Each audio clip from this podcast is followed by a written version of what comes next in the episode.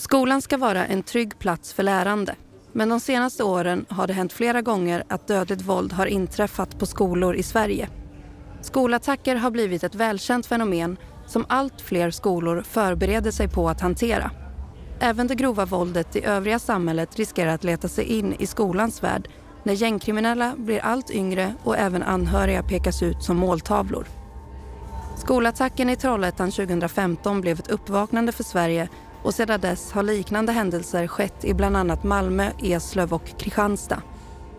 Förövarna har främst varit unga killar som antingen lidit av psykisk ohälsa och eller brottats med utanförskap eller hat mot sin omgivning.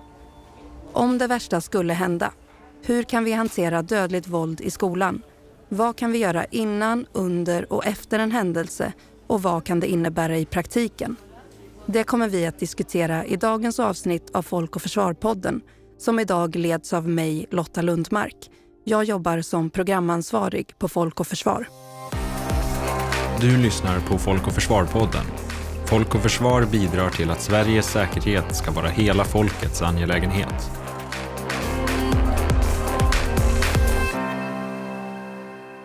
I dagens avsnitt ska vi fokusera på den praktiska krishanteringen som sker vid ytterst grovt våld i skolan. Och vi på Folk och Försvar väljer att ta upp det här ämnet både i det här poddavsnittet men också i ett seminarium som sänds den 31 oktober och som finns på vår hemsida och Youtube-kanal. I seminariet kommer vi att fokusera mer på radikaliseringen och på hur samhället kan fånga upp de här personerna för att förhindra att de vill begå ett brott. I podden ska vi istället lära oss mer om själva krisinsatsen och vilka speciella förutsättningar som finns när ett våldsdåd sker i skolan. Och vi ska lyssna till ett inslag där jag pratade med Geno Mahic som jobbade som rektor på Kronans grundskola i Trollhättan 2015 när de utsattes för en skolattack. Det var en förmiddag då gärningsmannen Anton Lundin Pettersson gick till attack mot lärare och elever med svärd och kniv. Och vi kommer lyssna till Genos upplevelser som rektor den dagen. Välkommen till Folk och Försvar-podden. Tack. Du var ju rektor på Kronans grundskola som nästan på dagen för åtta år sedan drabbades av en skolattack. Kan du beskriva övergripande vad det var som hände den dagen? Mm. Ja, det som hände det var väl eh, det som har beskrivits väldigt mycket i media då eh, i samband med händelsen. Då, det var att en beväpnad man kom in i skolan och helt slumpmässigt eh, gav sig på både personal och elever. Och eh, helt enkelt mördade tre personer. Och sedan själv också blev då skadad så att han också avled. Eh, han kom in en vanlig torsdag, 22 oktober, beväpnad med svärd och kniv. Eh, och helt enkelt kom in och gav sig på personer som han på något sätt valde då. Och det första offret då som man gav sig på det var ju Lavin då som satt i kaféområdet i skolan eh, tillsammans med sin elev. Och sen då så gick ju han vidare runt om i korridorerna då. De flesta av eleverna var på lektion. Men i den öppna kaféytan vid entrén attackerades elevassistenten Lavin som satt tillsammans med sin elev. Geno befann sig på andra våningen utanför arbets och personalrummen och där möter han två kollegor som har sett vad som har hänt i kaféet och som har ringt polisen. Eh, och jag var på väg ut och så träffade jag två av mina medarbetare som sa att någon har ju dödat någon i kaféet. De gick ut med sina telefoner och höll på att ringa till polisen. Eh, och i den stunden så ropade jag bara rakt ut att man skulle ta fram krisplanen eh, för att vi skulle kolla vad vi ska göra. Du nämner en, en krisplan. Fanns det här med som ett scenario som ni hade tänkt på eller var det en total överraskning att något sånt här kunde hända? Nej, det var ju, det var ju total överraskning. Men det är just det med krisplanen. Någonstans tänker man det är ju en kris och då eh, just den krisplanen var på något sätt en, jag vet från min sida, en reaktion att okej, okay, det här är en kris. Eh, och då såg jag det som pågick och insåg det, det på riktigt. Jag såg en person ligga på, på eh, golvet eh, och en person bredvid då med det ja, svärdet, det här figuren. Då får jag det i krisplanen då och titta på det, men det är tyvärr så det är bara massor med telefonnummer som man inte ens kan se. Det är för det, det här stressen och påslaget blir omedelbar. Och då ropar jag bara rakt ut till allihopa, in i mer på era kontor lås, släck och, och dra för gardiner och stanna där inne. Som rektor försökte Geno varna så många som möjligt och sa åt dem att inrymma, det vill säga låsa in sig och stanna där så att gärningsmannen inte skulle kunna komma in. Och då i den stunden då så, så inser jag också att vi har en skola full med barn. Eh, att vi måste skydda barnen. Jag ropar också rakt ut, vi måste gömma barnen. Var är alla våra barn? Eh, och då går jag förbi en brandlarmsknapp. Jag är på väg att trycka på knappen då för att tömma skolan, men samtidigt så kommer jag på, om jag trycker på den knappen så kommer förmodligen alla bara gå ut lugnt och fint. Och så vet jag inte om det är en ensam meningsman, om det är fler, finns det pistoler, granater, vad som helst i bilden då. Eh, men då springer jag ner för en trappa då som är, som är personalingång då. Och springer från sal till sal och talar om för folk att man ska släcka lamporna och eh, låsa dörren och dra för gardinen och sätta sig och vara lugna. Eh, men då berättar jag bara för pedagogerna eh, och inte för sådär till hela klassen. Eh, för detta var ju, eh, just på den delen så var det ju FT3 då, så det var småbarn. Eh, och då ser jag på genom dörren då, genom glasdörren i arbetsrummet så ser jag på andra sidan ett atrium då, så är det ett gäng som har hemkunskap då. Och den salen ligger i anslutning till kaféområdet. Så de har sett vad som har hänt och de är ju livrädda. Och när de såg mig då, de sprang bara över A3 och så springer de in i det här arbetsrummet. Och då säger jag samma sak här. Vi snackar, dra ner gardinerna eh, och ring hem, säger jag också. Ring hem att ni är okej. Okay. Geno utrustade sig med en bandyklubba som han kunde försvara sig med om han skulle träffa på gärningsmannen. Snart kom polisen till skolan, som kort efter att de kom dit sköt gärningsmannen som sedan dog på sjukhuset till följd av skadorna. Det var kaos. Många försökte förstå vad det var som hade hänt. Ambulanser och fler poliser kom. Polisen inrättade en sambandscentral i hemkunskapssalen och utanför skolan, som då var en avspärrad brottsplats, samlades uppemot 2000 personer. Många av dem var oroliga anhöriga och föräldrar. Och först vid tvåtiden på eftermiddagen kunde alla elever lämna skolan och personalen samlades då i den närliggande fritidsgården. Men sen när, när, när man eh, släppte ut oss då från skolan, då samlade vi oss i intilliggande eh, fritidsgård. Och vem, vem ska liksom ta liksom, eh, rodret, vem ska ställa sig längst fram? Och det fanns ju ingen annan än, än jag som återigen rektor, ansvarig chef. Och då försökte jag vi allihopa vad vi i alla fall kände till då. Hur många som var skadade, vem som har dött. Men då har jag också fått information att man redan då hade mobiliserat eh, kuratorer och psykologer då, som kunde ta emot folk. Eh, och då kunde jag säga till allihopa, vill man och behöver prata av sig, få hjälp, så kunde man ta sig dit. Annars fick man ju gå hem. Och, och skulle polisen också såklart försöka få tag i folk och prata om deras utlåtande och vad som hänt och så vidare, vad man har sett och så upplevt. Samtidigt då som jag släppte personalen då, att man kunde gå nu då antingen få hjälp och stöd, krisstöd eller så gå hem. Så fick jag ju samla elevhälsan då. För det fanns ju elever också som blev jagade i skolan. Eh, vi hade inte riktigt koll vilka som var kvar på skolan, vilka som var hemma och så vidare. Och då kom vi fram till att vi måste både besöka och ringa och eh, kolla klasslistor och allt vad det är för något. Och inte minst planera för dagen efter. Vad ska vi göra dagen efter? Då? Både med personal men också hur ska vi ta emot elever som, och folk som behöver hjälp och stöd.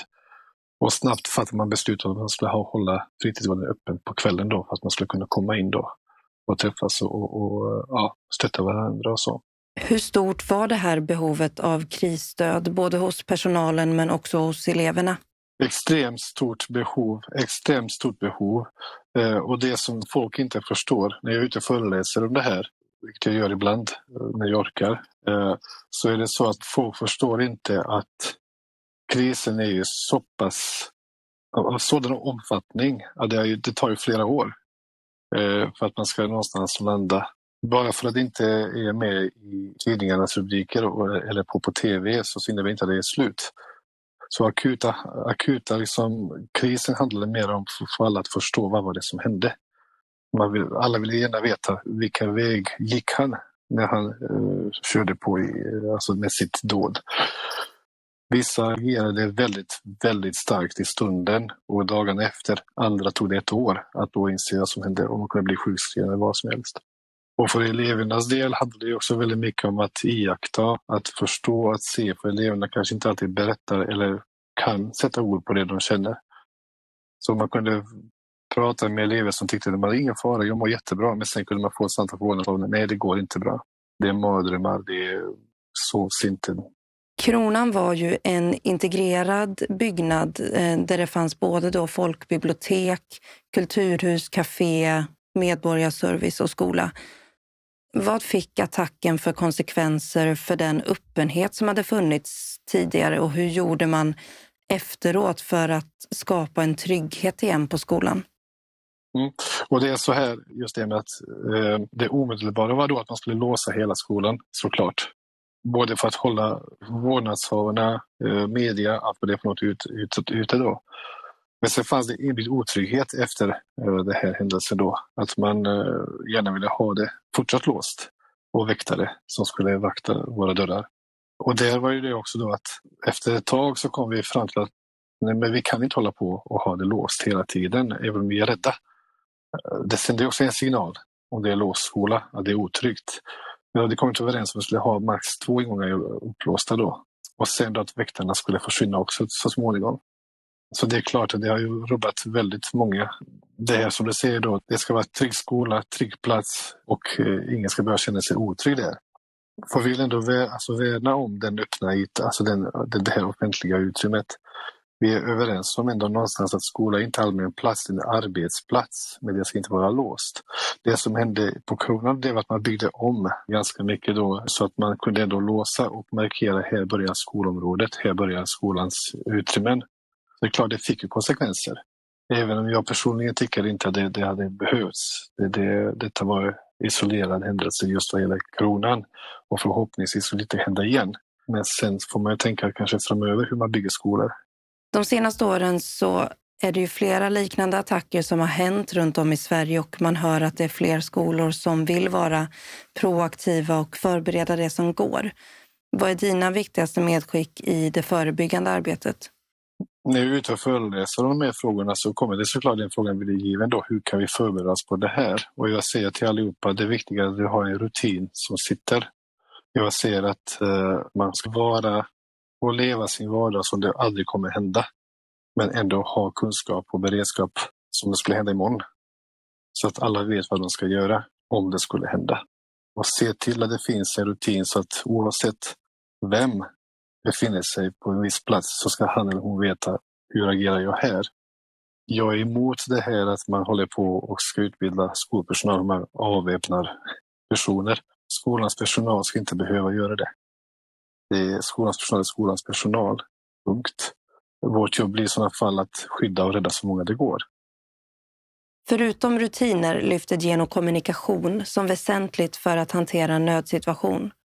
I den kommun där han idag jobbar håller de på att ta fram en säkerhetsapp som ska kunna larma vid en händelse. Tills att den är klar har de en sms-grupp. Två gånger har de fått ett skarpt larm. Den ena gången innan sms-gruppen fanns och en gång efter. Andra gången var det betydligt lättare att veta vad som pågick, hur man skulle samordna sig och vad man skulle göra. Och den kallar vi för larm. Och vi har sagt att det numret får användas enbart om det blir skarpt läge och inget inte annars. För det är min lärdom, det är att kunna kommunicera snabbt och enkelt. Det var det bland det viktigaste som vi kunde göra då. Och på det så har man också en inrymningsrutin då. I den kommunen som du jobbar idag, pratar ni också med eleverna om att en skolattack kan hända eller är det främst personalen? Vi har ju diskuterat väldigt mycket om man skulle ha en sån inrymningsövning då. Några tycker det kan vara jobbigt för eleverna, andra tycker att det, kan, det är nödvändigt. Men jag tror vi kommer ha det i vilket fall, för det behövs ju. Man ska ju veta, om det händer så, så blir det så fruktansvärda konsekvenser. Så att vi, jag tror att det överväger det att, att man måste tänka på att ha beredskap. Det är bättre det än att vara mån om att person blir orolig till stunden. Förutom att bli bättre på att hantera en händelse om den händer så säger Geno att vi behöver bli bättre på att fånga upp potentiella gärningspersoner tidigt så att brotten aldrig begås. Och sen också, vi har pratat väldigt mycket om det här att man ska ha det förebyggande arbete. Alltså innan det händer. Eh, att man faktiskt både pratar med eleverna men framför allt att man i samtliga verksamheter faktiskt är uppmärksammad på att betygen sjunker, ensamheten. Alltså uppmärksamma, fånga upp. Jag ser ofta, hade någon kanske uppmärksammat och fångat upp Anton Lundin Pettersson så kanske det aldrig hade hänt. Välkommen till våra gäster som är med oss i studion. Daniel Hedman som är poliskommissarie på nationella operativa avdelningen på Polismyndigheten och Ann-Charlotte Gavelin Rydman, förbundsordförande på Sveriges skolledare. Välkomna hit. Tack så hemskt mycket. Tack så mycket. Jag tänkte att vi ska börja nästan med, vad är era inledande reflektioner när ni har hört det här, det här inslaget? Var attacken i Trollhättan någon slags uppvaknande att något sånt här kunde hända även i Sverige och inte bara i USA till exempel? Daniel, vad säger du? Var det här ett skifte och kanske även för polisen att man började tänka på den här typen av insatser? Jag tror ju att eh, en medvetenhet har säkert funnits på olika nivåer under en längre tid i olika delar av samhället. För mig så blir det nog mer en fråga om eh, ett uppvaknande för vem eh, och för vilka. Men det är klart att händelser av det här slaget påverkar ju alla och eh, i någon mån så har det ju satt ett avtryck eh, som en startpunkt. Och Ann-Charlotte, jag tänker, du kommer ju från Sveriges skolledare. Hur närvarande är frågan om dödligt våld i skolan? Är detta en fråga som ni eller era medlemmar driver aktivt och oroar er för? Eller vad vet man om den här rädslan för att något sånt här kan hända? Jag tänker den här händelsen i, eh, på Kronan var väl en ögonöppnare också att det värsta kan faktiskt hända. Att eh, våldet kommer in i skolan. Och Eftersom rektor är ansvarig för eh, arbetsmiljön för både personal och elever så är det naturligtvis väldigt, väldigt viktigt och det gör vi också att titta på. Vi har ju varit bra på det här med brandskydd och utrymning och de delarna. Men att titta också på vad behöver vi för någonting när en sån här händelse uppstår kring inrymning. Det var ju ingenting som man kanske ens pratade om, hur man skulle kunna liksom fly och söka skydd och larma i en sån här händelse. Så det är ju på dagordningen hos varje huvudman och eh, rektor nu att tänka på det här. Och vi ska prata mer om själva den här krisinsatsen som sker vid en sån här händelse. Och det har ju genom åren gjorts olika rapporter och vägledningar på ämnet, bland annat från Skolverket. Och I början av sommaren så kom det ut en ny vägledning från Myndigheten för samhällsskydd och beredskap, MSB, som de har tagit fram tillsammans då med Center mot våldsbejakande extremism och polisen. Och där har ju du Daniel suttit med eh, som expert och tagit fram den här vägledningen. Och den heter då Våldshandlingar med stora konsekvenser i skolan och den finns ju att ta del av på MSBs hemsida bland annat. Och jag tänker att vi ska lägga upp det här samtalet lite genom att prata om krisens tre delar, det vill säga både före, under och efter. Och om vi då börjar med skeendet före en kris och vilken typ av hotbild eller scenario det är som skolor kan behöva förbereda sig på och vad som kan rymmas inom det här begreppet dödligt våld i skolan. Vad är det för hotbild och scenarier som skolor kan förbereda sig på att behöva hantera?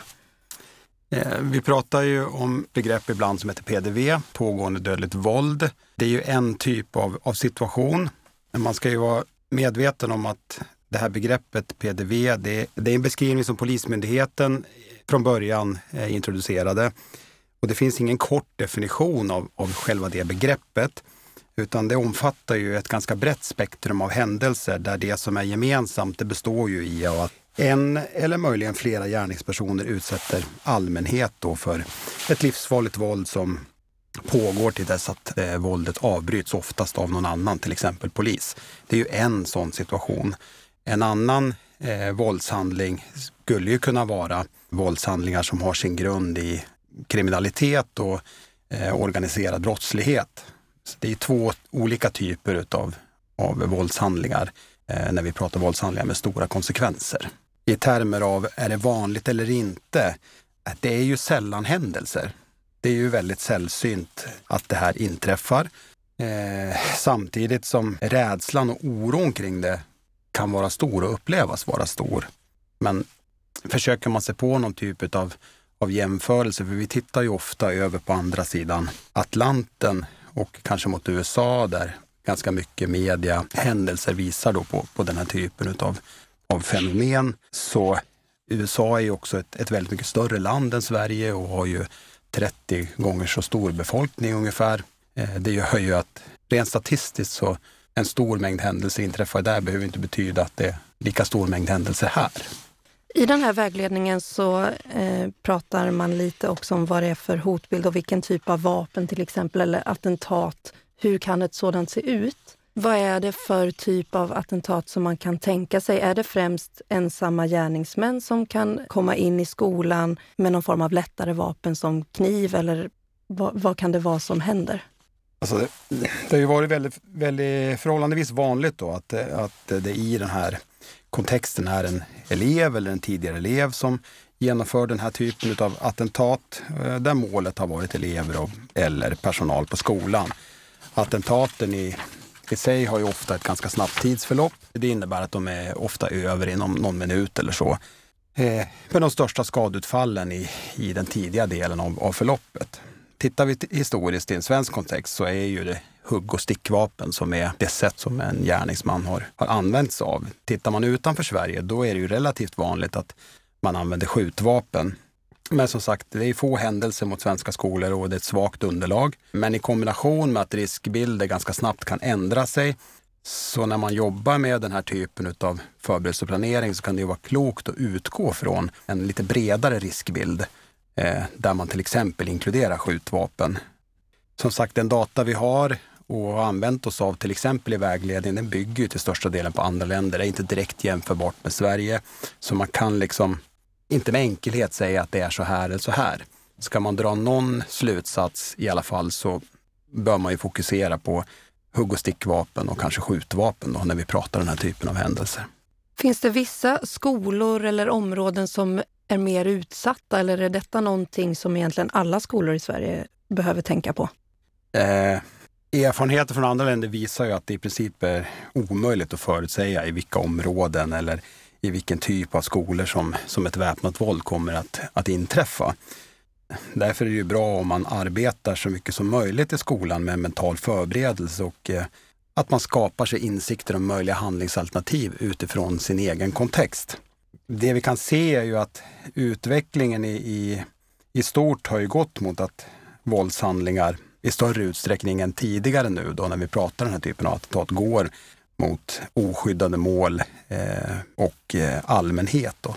Till största delen har ju allmänhet varit, varit måltavla men, men där är ju skolan en del. Det finns ju några saker i skolmiljön dock som, som skiljer sig från andra delar som kan vara värt att ta i beaktande. Och Ann-Charlotte, jag tänker att ytterst ansvariga egentligen för det preventiva arbetet kanske är skolchefer eller rektorer. Mm. Utifrån den här riskbilden som vi har pratat om, vad finns det egentligen för åtgärder som kan göras inför och vilka möjligheter har skolchefer och rektorer att göra de här åtgärderna? Jag tänker att det, det första är ju, viktiga är ju att vi har börjat prata om det, uppmärksamma det och eh, vi ser också att olika sorters våld kan bli uppgörelser som, som hamnar inne i skolan, framförallt på ja, gymnasieskolor där äldre elever går. Att eh, en uppgörelse och ett våld kan kliva in i skolan och på skolgården utifrån det. Eh, och att vi har en riskbild kring både att elever eller tidigare elever kan återkomma. Vi har en, en psykisk ohälsa. Vi har 18 000 hemmasittande elever vi behöver fundera på, naturligtvis tillsammans med, med våra huvudmän, kring vilka signaler ska vi liksom titta efter? Hur ska vi agera? Hur ska vi reagera? Eh, och eh, där är det ju många större kommuner ändå som nu har börjat titta på att ha en säkerhetsansvarig där man också gör riskbedömningar kring olika delar och man har en plan för hur man ska fånga upp signaler och så. Eh, med elevhälsa och eh, med lärare också som är den som är närmast eleverna. Eh, vi har ju också ett samhälle som är mer och mer segregerat och, och, och, det behöver man också ta in i den här bilden, tänker jag, kring olika skolor, olika områden, olika förutsättningar, skolors byggnader, hur, hur det ser ut. Eh, början av 2000-talet var det väldigt eh, viktigt att det skulle vara glasväggar, det skulle vara öppet och hur liksom hur blir det då nu när man ska tänka inrymning istället för utrymning? Eh, så det är många faktorer man behöver tänka på. Där är det ju väldigt, väldigt viktigt, tänker jag, att eh, huvudmannen, när man anställer, också går igenom eh, med rektor kring hur de här delarna ser ut på de olika skolorna. För att hur det än är, även om vi inte vill att det värsta ska hända, så måste vi ändå ha en sorts beredskap för att det kan hända. Jag tänker att det är dels de här mentala och kunskapsbaserade åtgärderna, att börja, som du är inne på, börja prata om det och tänka igenom, ta fram kanske olika planer. Vi har varit inne på en inrymningsplan. Vad menas mer med begreppet inrymning eller vad är det mer konkret man behöver planera för att, för att göra? Nej, men jag tänker att, att det är viktigt också att man tränar på de här delarna eh, ifall det värsta händer, men också att anpassa det till barnen och elevernas åldrar och att det inte blir en skrämselfaktor utan en trygghetsfaktor. Eh, och det är ju naturligtvis en svår balans eftersom vi ju inte heller vi är inte tränade i, som tur är, att liksom tänka så här. Men vi behöver tränas i det och, och, och se det som en trygghetsfaktor att man faktiskt har en, en, en plan och ett varningssystem för när det värsta händer. Och jag skulle säga att den enskilt viktigaste skydds och säkerhetsåtgärden är ju att höja medvetenheten hos skolpersonal och elever. Alltså, och framförallt handlar det ju om att höja förmåga och kunskap om att kunna agera på ett, ett riktigt sätt vid en inträffad händelse.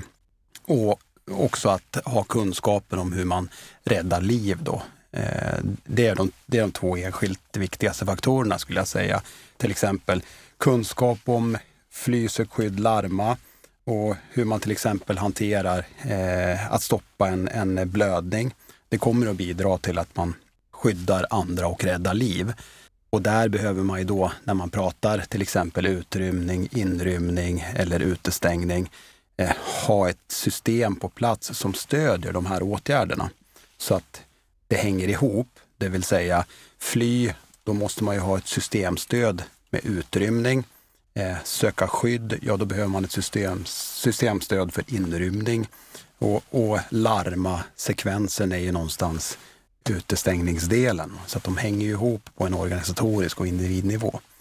Eh, så ja, enskilt viktigast är nog att höja medvetenheten, att man skapar en mental, mental förberedelse genom medvetandehöjning. Och du var inne på det här att inrymning, då handlar det kanske om att ha en plan eller veta hur man på ett sätt att rädda liv genom att kanske stanna kvar i klassrum eller låsa in sig.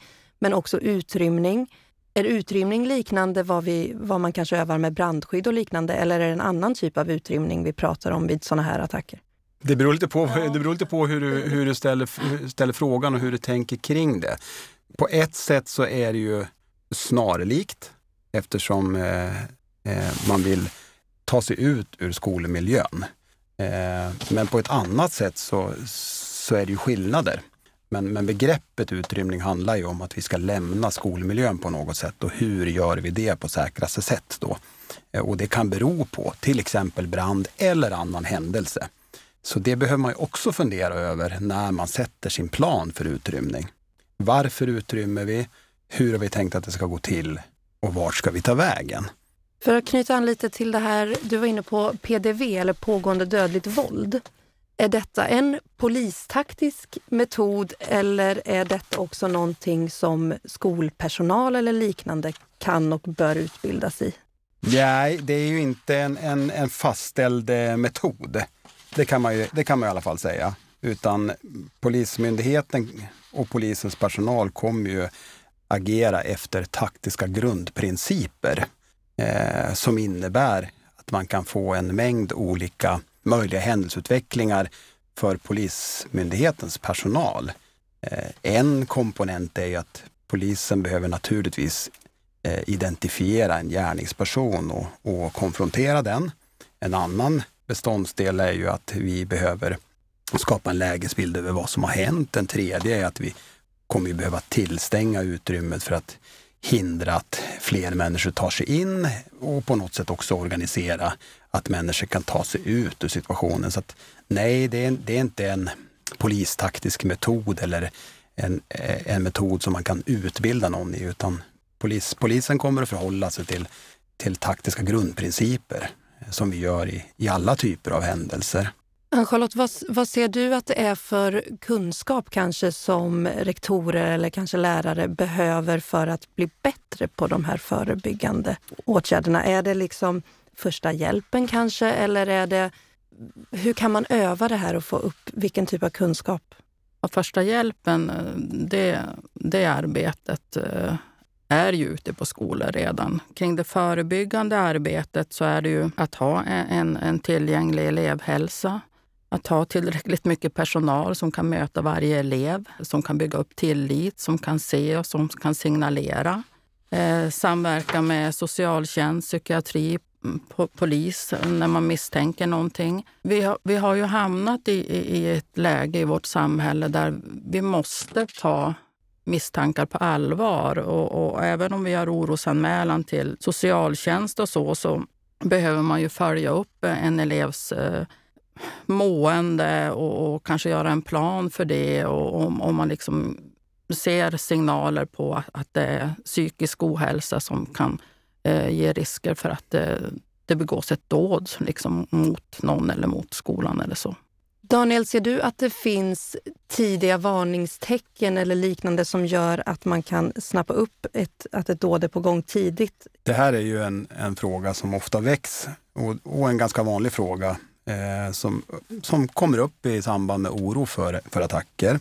Vilka tecken och signaler finns det? Finns det några specifika riskfaktorer och sådär? Eh, men i egentlig mening så gör det inte det. Eh, det här med gärningsmannaprofiler, det funkar inte. Det har forskare eh, på, på olika ställen och eh, också andra eh, myndigheter i andra länder, till exempel FBI, det har man kommit fram till att, att det gör inte. Eh, det finns ju stöd att, att få i den här frågan. Eh, Center för våldsbejakande extremism till exempel har ju tagit fram ett metodstöd för att hantera och utreda oro för våldsbejakande extremism. Eh, det är svåra frågor att svara på. För det finns ju sällan några specifika tecken. Man brukar ju prata om riskfaktorer och, och skyddsfaktorer. Och riskfaktorer kan man ju se några stycken där gärningspersonen ofta är en ung man som upplever sig som socialt isolerad, kan ha någon form av neuropsykiatrisk funktionsnedsättning eller, liknande, någon psykisk ohälsa i bakgrunden, depression eller, eller liknande. Och att man har en, en upplevelse av ett utanförskap eh, som man då kompletterar med någon upplevd oförrätt från skola, skolmiljö, klasskompisar eller personal eller sådär. Ibland så, så kan det också finnas någon, någon ideologisk motivbild. Eh, men då pratar man ju riskfaktorer. Den andra delen är ju, är ju skyddsfaktorerna då. Det handlar ju mycket om att hantera och utreda den här typen utav, av åtgärder. Alltså reagera tidigt för, vid oro, eh, jobba med att motverka mobbing, hantera det genom samtal, jobba med skolhälsa och så vidare. Så att Nej, det finns inga, inga tydliga varningstecken som man kan snappa upp, men det finns systemstöd som man kan använda som både CVE och Skolverket har tagit fram eh, som en god hjälp i att påbörja ett tidigt hanterande av oron. Så lite det som Ann-Charlotte var inne på med kanske elevhälsa och göra upp en plan för eh, individer som visar de här riskbeteendena? Ja, och framförallt ta stöd av till exempel Center för våldsbejakande extremism då, som har jobbat väldigt mycket med den här frågan. Om vi går över till krisens andra fas, lite mer under en händelse. Vad får olika aktörer för olika roll? Ann-Charlotte, vill du börja utifrån att också ha lyssnat på, på Genos upplevelser här i inslaget. Vad får personalen för, för roll under en händelse? Ja, här är det viktigt att man har gått igenom eh, och har en krisplan för om en sån här händelse uppstår. Det som är svårt, det är ju att eh, Rektor kanske inte alltid är på plats. Eh, man har vikarier inne. Eleverna är kanske på olika ställen. Man måste kolla klasslistor och sånt. Men just det här med att titta på vilka roller man har. Och där tänker jag att eh, CVE har ju väldigt bra checklistor och riskbedömningar. Att liksom ta hjälp av de delarna Eh, och bilda en grupp så att man inte är sårbar om personer är borta utan att det finns flera, flera aktörer kring hur man ska agera så att personal, eh, elevhälsa eh, känner sig säkra i hur, hur, gör vi nu om det här händer? Att man har ett, ett signalsystem där man inte kanske trycker på, på brandlarmet utan att man har ett annat signalsystem som ja, men sms eller att man har en struktur kring det och att man tryggar upp både personal och elever kring eh, hur man ska agera. Sen finns det ju inget facit på, på det, men man behöver ändå vara förberedd på när det värsta händer, tänker jag. Vad säger du Daniel, vad har polisen för, för roll vid en sån här händelse? Ja, polisens eh, huvudsakliga roll i det akuta skedet kommer ju att vara att eh, på något sätt identifiera eh, gärningsperson och konfrontera den gärningspersonen. Eh, det är ju det sätt som Polismyndigheten så att säga, bidrar till att, att rädda liv genom att så snabbt som möjligt kunna få kontroll över en, en, en gärningsperson och ett skeende.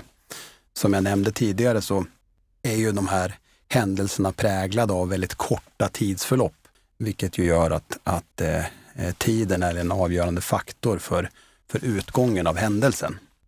Så, så därför har ju polis Polismyndigheten valt att fokusera sin taktiska eh, grundprincip på att så snabbt som möjligt kunna få, få kontroll över en gärningsman. Då. Finns det speciella förutsättningar om det sker i en skola jämfört med om det sker ett liknande dåd på en annan allmän plats? Jag skulle säga att de taktiska grundprinciperna är ju likadana. De är ju generella för hur Polismyndigheten har valt att, att eh, arbeta med polisinsatser. Och, och, det är ju vårt huvuduppdrag. Sen tillkommer ju naturligtvis i, i den här typen av händelser en, en del annan en del andra uppgifter som vi tillsammans med andra blåljusmyndigheter behöver samverka kring. Då, till exempel eh, fånga upp eh, skadade och drabbade på något sätt, eh, tillstänga miljön så att vi inte får in fler och sådär. Men, men huvuduppgiften kommer ändå att vara att på något sätt få, få kontroll över eh, gärningspersoner eller personer. Och jag tänkte en fråga till dig Ann-Charlotte här, efter också att ha lyssnat på, på Genos reflektioner. Vad får rektorer för roll i det här och hur tänker du att man kan tänka kring det här ledarperspektivet? Rektor får ju naturligtvis en, en stor roll, men, men också eh, den huvudman rektor arbetar under. Alltså skolchef, politik, eh, beroende på om det är fristående eller om det är en, en kommunal huvudman. Och här behöver man ju också säkra upp rektors ansvar så att rektor också känner sig trygg i detta och har också någon att vända sig till. Och att man har ett system kring händelsen, kring ryktesspridning, kring krisstödsarbete, kring det som händer efteråt. Att man ändå har en, plan för hur man ska hantera det tillsammans med, med huvudmannen. Och gärna, tänker jag, att man också pratar om detta i, eh, med rektorer ihop i grupp. Det här behovet av stöd, det går ju lite in i vartannat, både under en kris men kanske också i efterarbetet. Hur kan man jobba med det stödet och vad tror ni att det kan finnas för behov och för vilka målgrupper? Ja, vid en sån här händelse så tänker jag att vi har, vi har våra barn och elever, vi har allmänhet, vi har föräldrar, eh, vi har personal. Eh, och där behöver man ju minska på ryktesspridning. Eh, nu i våra sociala medier och Flashback och allt som finns så kan det komma ut liksom hur mycket osanning som helst och spekulationer. Och där behöver man ju ha en kriskommunikationsgrupp där man liksom, ja men vem är det som sköter den interna kommunikationen? Vem, vem är det som sköter den externa kommunikationen? Eh, och vilket krisstödsarbete behöver vi ha efter en sån här händelse? Eh, och hur, hur ska återgången se ut och hur ska vi planera för den så att den känns trygg? Vad är dina reflektioner där, Daniel? Jag tänker på, det finns ju ganska många intressenter och part, parter i det. Det blir ju också eh, en intressent, förutom de du nämnde, är ju myndigheter, eh, media, eh, det kringliggande samhället behöver man också fundera över. Till exempel andra skolor och sådär. Så att det är ju viktigt att man jobbar med att ha en, en kriskommunikationsplan och eh, att arbeta med kriskommunikation så långt det är möjligt på förhand, både för lärare och elever eh, och bygga ett system för det. Och, och, där kan man ju hantera den problematiken lite grann som, som du nämnde. Så vad är gränssnitten mellan skolan och, och förvaltning, koncernledning? Vilka är kontaktpersoner? Hur når man dem? Eh, vem kommunicerar till de här olika intressenterna och i vilket skede? Eh, hur får man tag i de som är eh, direkt berörda, till exempel vårdnadshavare? Vem är det som kommunicerar med eller mot media? Det finns ju en mängd sådana frågeställningar och, och, det finns ganska gott stöd i den här vägledningen som vi har tagit, tagit fram tillsammans med MSB och CVE då på, på temat just kriskommunikation, enkla eh, punkter som kan, vara, som kan vara en bra utgångspunkt. Vad blir polisens eh, roll i den kriskommunikationen? Är det att stötta kanske skolorna eller är det att ha en ledarroll? Eller hur, hur sker den här samverkan kring kriskommunikationen? Jag skulle säga att det är ju väldigt, väldigt viktigt att man på förhand har definierat vem som kommunicerar vad i den här typen av situationer, precis som i alla andra typer av, av situationer. Och någonstans som utgångspunkt kan man ju ha att den som så att säga äger händelsen är den som, som kommunicerar först. Då. Eh, så att den får styra lite grann utav, av kommunikationen i möjligaste mån för att få så snabb och så rättvisande kommunikation som möjligt. Så det går nog inte att säga vem som tydligast har ansvaret, men det behöver man ju diskutera och försöka definiera på förhand i sin lokala kontext. Vad tänker du om det, Charlotte? Nej, men, eh, jag håller med. Det är ju viktigt att man liksom ändå har en förhandsplan eh, kring, kring vem som kommunicerar vad utifrån vilken händelse det har varit. Eh, och att man har den här eh, kriskommunikationsgruppen där man bestämmer vem som har den interna kommunikationen. Vad står myndigheter eller andra aktörer för? Och huvudmannen bör ju också vara den som har den externa kommunikationen, eh, anser vi i alla fall. Eh, man kan inte eh, låta rektor ta den helt ensam. Eh, och sen får man inte glömma att anmäla till Arbetsmiljöverket. Efter en sån här händelse, vad tror ni det finns för behov för att kunna återgå till någon form av normalitet och, och vardag? Ja, men ett, ett eh, planerat krisstödsarbete som vi lyckligtvis inte är så vana vid, eh, får man väl ändå säga. Eh, det är ju inte vardag för, för oss i, i Sverige. Eh, men, men, att man har planerat hur man ska åter, återgå till arbetet, både för barn och personal. Hur, hur, ser det ut kring elevhälsan? Vilket stöd kan elevhälsan ge? Företagshälsan. Att det är tydligt också att man har planerat hur återgången ska se ut till den normala vardagen. Eh, att man har en plan för det. Och här behöver man ju samverka både med myndigheter, med personal och med, med eh, huvudman. Liksom hur, hur, ska vi lägga upp det här så att det känns så tryggt och bra som möjligt för både personal och elever och föräldrar som lämnar sina barn. Att man känner att ja, men, jag vågar lämna mitt barn till skolan. Hur tänker du där Daniel? Eh, jag håller nog med. Det är ju viktigt att man också sätter en plan för återgång till normalitet. Och det bör ju finnas med i hela den planeringen man gör för hur man har tänkt sig att hantera den här typen av situationer. Det man kan vara ganska övertygad om är ju att den, och det beskriver ju även rektorn från Kronans skola, att den här typen av handling kommer ju att vara eh, ett trauma som blir på olika nivåer bestående över både kort, medellång och, och ganska lång tid. Och, och, och, det understryker hur viktigt det är att man faktiskt gör en plan och som är egentligen hela säkerhetsarbetet. Eh, nu har vi till exempel inte pratat särskilt mycket om, om till exempel fysisk säkerhet och så, men det, att det finns en plan är ju viktigt, men det är inte planen i sig som är viktig, utan det är ju planeringen på något sätt. Sen är det ju själva processen som leder fram till det. Eh, att man någonstans också utbildar på den plan man har gjort att man övar den i någon form så att man får en möjlighet att i någon mån eh, kontrollera, funkar det här eller funkar det inte? Och att man också kan göra förändringar och att man håller den här planeringen som en levande process eh, över tid. Och då antar jag att övning blir ganska viktigt för att identifiera hur, vad som kan behöva justeras i den här planen? Ja, det kommer ju i alla fall att behöva vara en komponent eh, i, i, att kontrollera att det fungerar. Eh, som med all planering. Daniel, vill du exemplifiera lite, vad är det för fysisk säkerhet som vi har möjlighet att göra och som ni lyfter i den här vägledningen? Ja, men det är ju flera delar egentligen. Nu ska man ju vara medveten om att eh, den fysiska skyddsaspekten av eh, en skolbyggnad eller skolområde är ju bara en del i, i säkerhetsarbetet eh, totalt sett. Men det handlar ju mycket om att på något sätt skapa ett skydd på djupet Eh, där man har flera lager av olika typer av möjliga skyddsåtgärder som absolut inte behöver vara eh, dyra eller svåra. Men flera typer av, av skyddsåtgärder som samverkar i miljön. Alltifrån eh, någon form av möjlighet att upptäcka att, att någonting är på väg att hända.